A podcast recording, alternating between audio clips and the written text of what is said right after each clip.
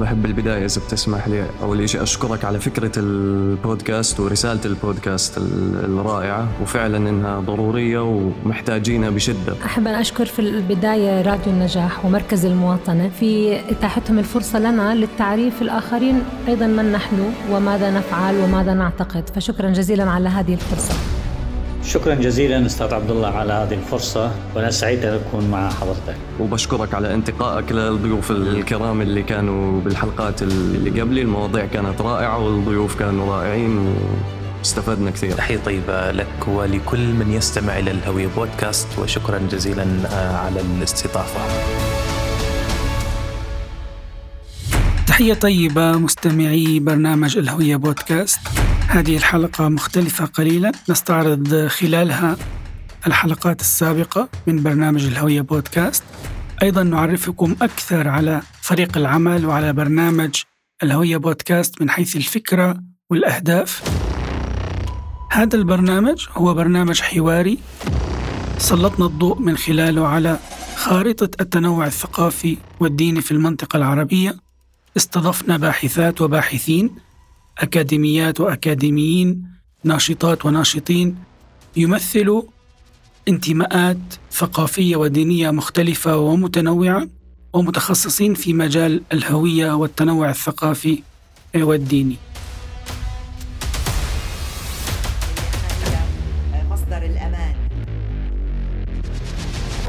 بالبداية أريد أن أعرفكم على دواعي هذا البرنامج البودكاست وأهميته. تمتاز المنطقة العربية بالتنوع ولا تزال الهوية إحدى مصادر الصراع والتعصب بسبب الانغلاق وغياب الانفتاح على الآخر المختلف بالأفكار والمعتقدات. في ظل تحولات رقمية في مجال الإعلام والمعرفة بات من المهم إغناء هذا التنوع وإعادة تداوله في الفضاء الرقمي بهدف أولا توثيقه ثانيا تسليط الضوء عليه عبر حوار مع أشخاص يمثلون هذا التنوع. أيضا من بين أهم الفرضيات المتعلقة بإدارة الصراع القائم على الهوية أننا لا نعرف الآخر بشكل جيد أو أن لدينا صورة نمطية مسبقة عنه. وكلما غاب الآخر وضعف تداوله في المجال العام تحديدا المجال العام الجديد المجال العام الرقمي كلما كانت فرص الصراع مع الأسف قائمة. لذلك تساهم معرفة الآخر ثقافيا وفكريا في إضفاء الطابع الإنساني على العلاقات والتواصل بين المكونات المختلفة بالأفكار والمعتقدات.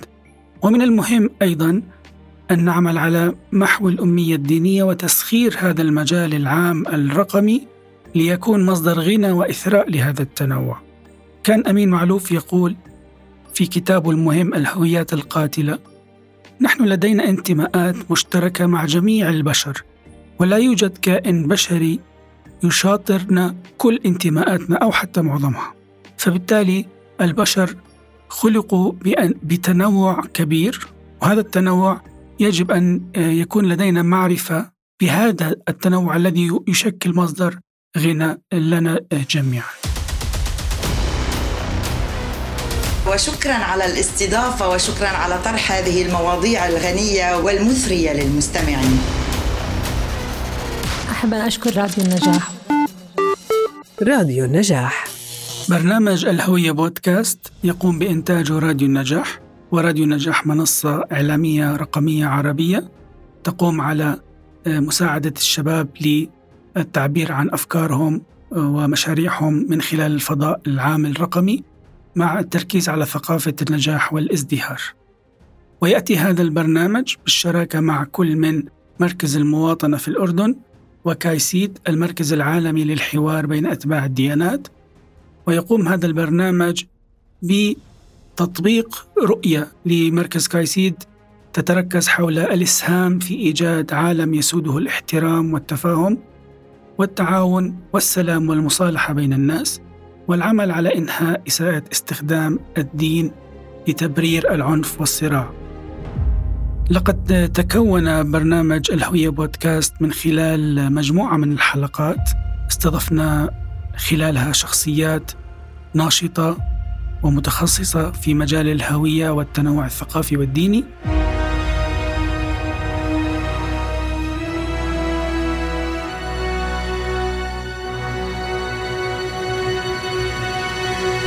سادت ثم بادت. التي تعرضوا لها على يد تنظيم داعش المتطرف. بقبول آخر بنبذ الخلافات هذه رواية صحيحة أم أم لا؟ إيزيدي أو الإيزيدية الأزيديون أو اليزيديون أو الأيزيد. الحق في نيل العدالة. والحق في معرفة الحقيقة. وجدت رمزية الطاووس. فلا يتزوج اليزيدي من غير اليزيدية شمس في وجه الظلام. شمس الديانات الكبرى ولم أذوب فيهم. آه، ذكرت معبد لالش. والعمل مستمر حسب. الحلقة الأولى من الهوية بودكاست كانت عن الأيزيدية في العراق والمنطقة العربية. جاوبت هذه الحلقة عن تساؤلات تتعلق بالأيزيدية من حيث الهوية، المعتقد والتاريخ والدين والتدين والطقوس الاجتماعية. أيضا العلاقة مع الآخر في المجال العام بالنسبة للأيزيدي. خلال هذه الحلقة استضفنا رئيس المؤسسة الأيزيدية الدولية لمناهضة الإبادة الجماعية الأستاذ حسو هولمي. خيطه من الحرير هذا وما هي انتماءاتها الثقافية والدينية؟ فلهذا لهم آه، عاداتهم الخاصة ما الذي نعرفه عن الأمازيغية؟ في علاقتهم بالجبل لوصف الإنسان الحر والنبيه هو الإنسان الحر اسم قال أي العبيد تستخدم كلمة أمازيغ لماذا اختير البربر؟ لغة رسمية ووطنية. لكنها موجودة الآن في آه، المدارس ولم تعمم آه، بشكل آه، كبير. من الشخصيات الأمازيغية التاريخية المعروفة. ونقيضهم هم الأمازيغ. وما هي علاقة الأمازيغ بالعربية والأدب العربي؟ ثم لديهم حضور وازن كما تعلم. أما الحلقة الثانية كانت عن الأمازيغية في المنطقة المغاربية. تناولت التاريخ والعادات والتقاليد المتعلقة بالأمازيغية والعلاقة ما بين الأمازيغية والأدب العربي. خلالها استضفنا الباحث في التاريخ المغربي والفكر الإسلامي الدكتور عبد الله الداري وهو أحد مؤسسي مركز أفكار للدراسات والأبحاث في المملكة المغربية.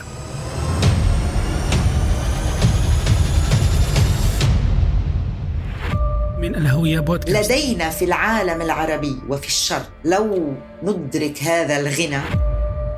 في مسألة بناء الهويات أو إدارة الهويات. يمكننا بناء هوية جامعة. وليست بالضرورة. ومتى يكون التنوع مصدر للتهديد أو للصراع والعنف؟ ولنتفق على أن نختلف على ما نختلف عليه. تمثل لبنان واحدة من أكثر دول المنطقة العربية. هي وطنية ومواطنية. وكما لهذا التنوع إيجابيات. ما نفهم إنه عم نقدس الغرب ونقول نحن الشرق مشكلة. فكيف يكون التنوع مصدرا للغنى للصالح العام؟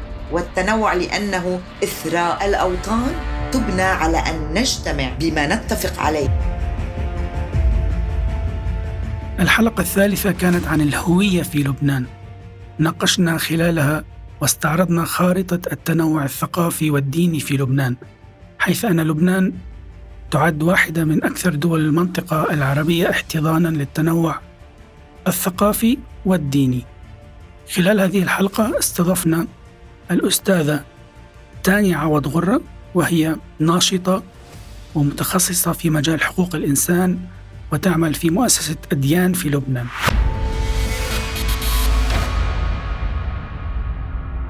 المجتمع الواضح وجوده وحضوره أكبر. سوريا تحتضن تنوعا ثقافيا ودينيا نحن. نحمل باتجاهه مشاعر أكبر. ما هي خارطة التنوع الثقافي والديني في سوريا؟ غالبية عددية ومجتمع سليم. وما هي سمات هذا التنوع؟ مجتمع متعافي. نجد أن هناك شح في الإنتاجات. اليوم صارت عنده في مكتبته أعاد طباعته لأننا عندما نذهب إلى المكتبة للبحث عن التنوع في سوريا إن سوريا في الأصل بلد تنوع. ومتى يكون التنوع؟ مصدر للصراع والعنف والكراهية. المجتمع الغامض الخفي المقيد. مقارنة مع دول مثل العراق وسوريا. يعني نتابع التاريخ السوري. أنا كسوري يجب أن أعلم لبلد فيه تعدديات دينية. الحلقة الرابعة من الهوية بودكاست كانت عن الهوية في سوريا. تعرفنا في هذه الحلقة على التنوع الثقافي والديني في سوريا. والعلاقة ما بين الأديان في سوريا. وكنا سعيدين باستضافة المفكر السوري الدكتور محمد حبش وهو المتخصص في مجال التعددية الدينية والذي يحمل مشروعا تنويريا يتعلق بالعلاقة والحوار ما بين أتباع الديانات.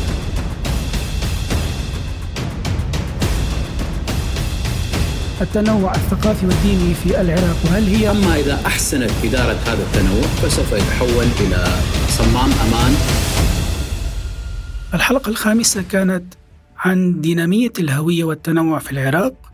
استضفنا خلالها الدكتور سعد سلوم وهو أستاذ العلاقات الدولية بكلية العلوم السياسية في الجامعة المستنصرية وهو حصل مؤخرا على جائزة ابن رشد للفكر الحر. هذه الحلقة كانت تتحدث عن دينامية الهوية والتنوع في العراق العلاقة ما بين الأديان ومسألة السياسات والأديان وصناعة القرار والأديان والعلاقة ما بين المكونات والأقليات في المجال العام فيما يتعلق بالمواطنة. الشيعة والتشيع. نحن نقصد بذلك آه، بالمشايعة آه، التشيع يعني الرفقة الأتباع. ما هي الكتب الأساسية أو الرئيسية التي يعتبرها الشيعة هي مرجع بالنسبة لهم فيما يتعلق بمسألة التشيع على المنطلق حقيقة تشكلت السردية الشيعية في هذا الجانب. الشيعة بوصفها جماعة أنثروبولوجية بالتأكيد هي مثل سائر الجماعات. منقسمة اقتصاديا اجتماعيا وتكويناتيا. آه، هنالك ربما أيضا لبس معين يكون عند الشيعة بالإضافة إلى المواكب والمسرحيات التي تمثل.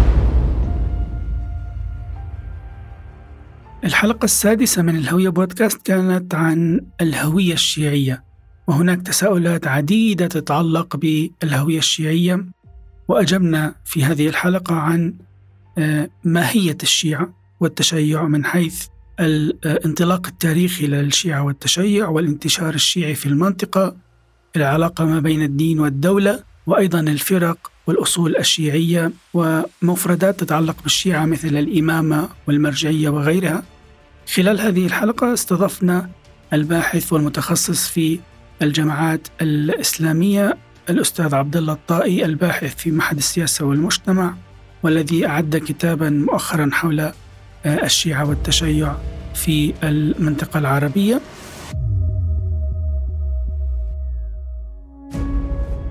أستاذة تهاني هل تحدثين عن البهائية عن الديانة البهائية؟ فمن هون إحنا متصالحين مع فكرة تعاقب الأديان. أن هنالك مقارب أو تقارب ما بين الأعياد في الديانات الثلاث بين المسلمين والمسيحيين والبهائيين. أحدهما رجل والآخر امرأة. فيحلقون فتخيل لما يكون هدول الجناحين متكافئين مش مكسور واحد ضعيف وواحد هاي فيحلقوا بالطيران نحو أوج المجتمعات وغيرها. الحلقة السابعة من الهوية بودكاست كانت عن البهائية وتعرفنا خلال هذه الحلقة على التدين البهائي والانتشار العربي للبهائيين والانتشار أيضا الدولي وتعرفنا على العادات والتقاليد والثقافة المرتبطة بالبهائية. وخلال هذه الحلقة استضفنا الباحثة والأستاذة تهاني روحي وهي ممثلة البهائيين في الأردن والناطقة باسمهم.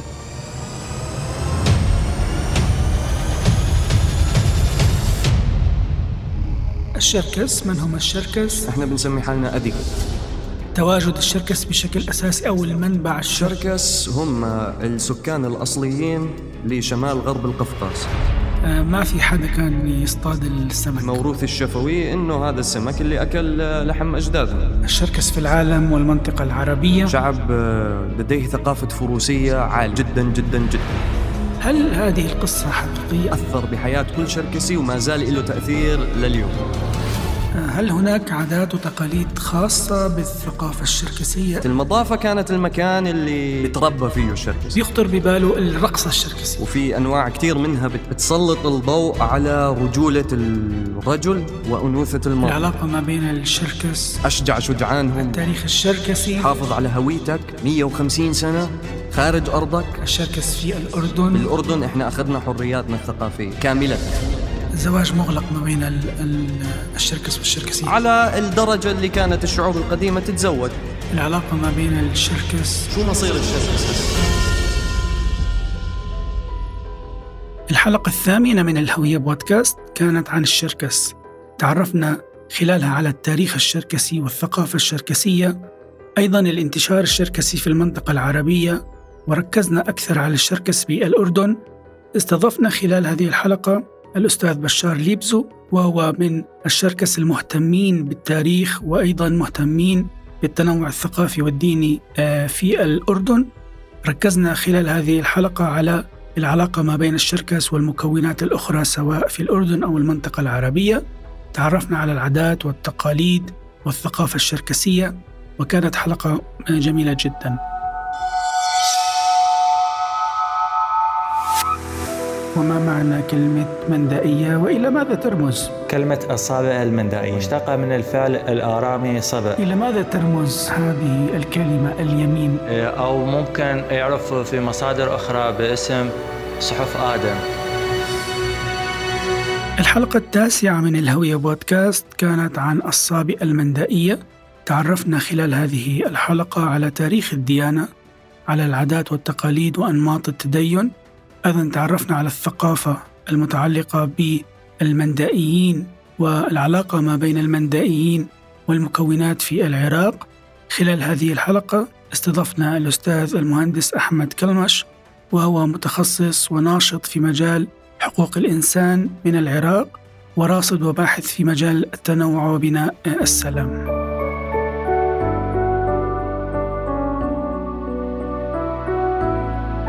في الختام يمكنكم العودة والاستماع إلى حلقات الهوية بودكاست لهذا الموسم وهي متواجدة على منصات راديو النجاح.